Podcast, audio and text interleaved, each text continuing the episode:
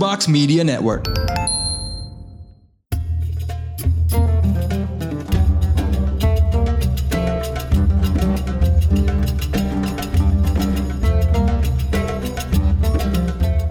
Assalamualaikum warahmatullahi wabarakatuh.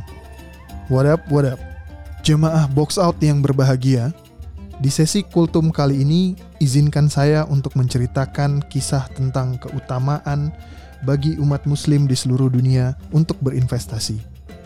Investasi yang dimaksud kali ini bukanlah investasi di dunia, melainkan investasi untuk kelangsungan dan keselamatan hidup kita di akhirat nanti.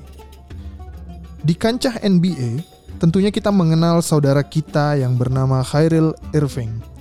Sosok Ikhwan kelahiran Australia yang besar di New Jersey yang selalu menghibur jamaah pecinta basket NBA di seluruh dunia dengan permainan basketnya yang atraktif. Kiprah Ahi Irving ini tentunya tidak berakhir di dalam lapangan saja. Amal ibadah Irving di luar lapangan juga dapat diteladani oleh umat muslim di seluruh dunia. Amal ibadah beliau ini yang paling patut dicontoh adalah bagaimana beliau melakukan investasi akhirat dengan banyaknya bersedekah.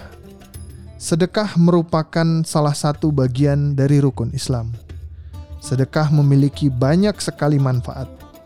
Sedekah dapat melipat gandakan rizki serta menambah pahala kita Sedekah juga dapat dijadikan alat investasi kita yang untungnya dapat kita nikmati ketika kita di akhirat nanti.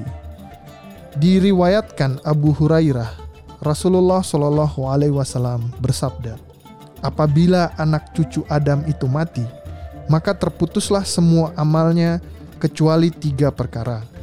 Sodakoh jairiyah, anak soleh yang memohon ampunan untuknya, dan ilmu yang bermanfaat setelahnya. Meski sudah memiliki penghasilan sepanjang karir sebesar 158 juta US dollar, Irving masih rajin untuk bersedekah untuk membantu orang-orang sekitarnya yang membutuhkan. Di bulan Juli tahun 2020, Irving menyumbang 1,5 juta dolar kepada santriwati-santriwati di pondok WNBA yang tidak berpartisipasi di musim reguler tahun 2020 dikarenakan oleh virus COVID-19.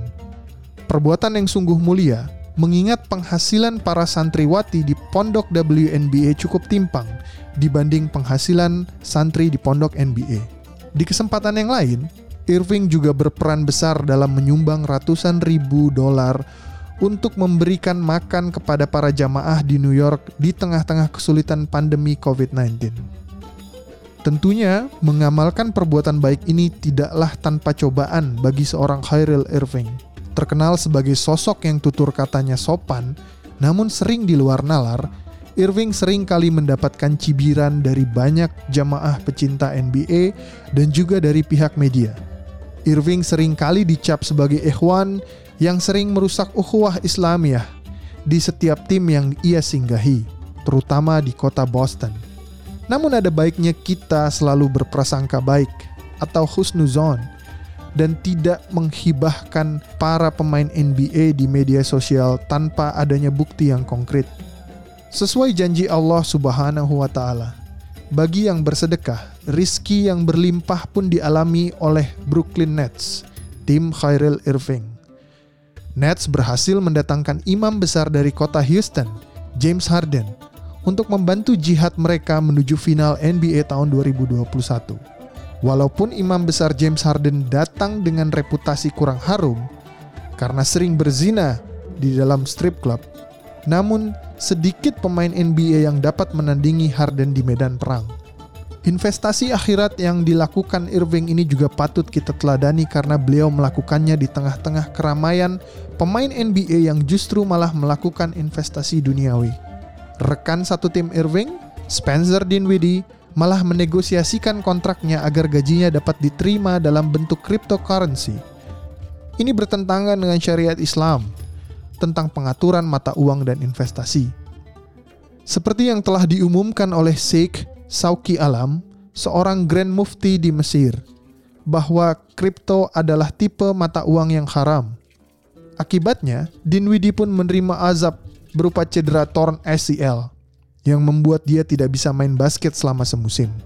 CJ McCollum, pemain dari Portland Trail Blazers, juga terlihat lebih fokus untuk menikmati dunia dibanding akhirat. McCollum merupakan seorang jamaah terdepan dalam munculnya produk terbaru yang dikeluarkan oleh NBA, yaitu NBA Top Shot. Top Shot ini adalah elemen aset yang juga bertentangan dengan kaidah investasi syariah karena mengandung unsur judi.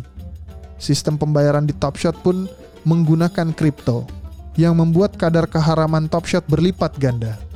Akibat terlalu fokus dengan investasi Top Shot dan kripto, McCollum pun menerima azab cedera kaki kiri yang membuatnya harus istirahat selama berbulan-bulan di regular season ini. Naujubillah min zalik.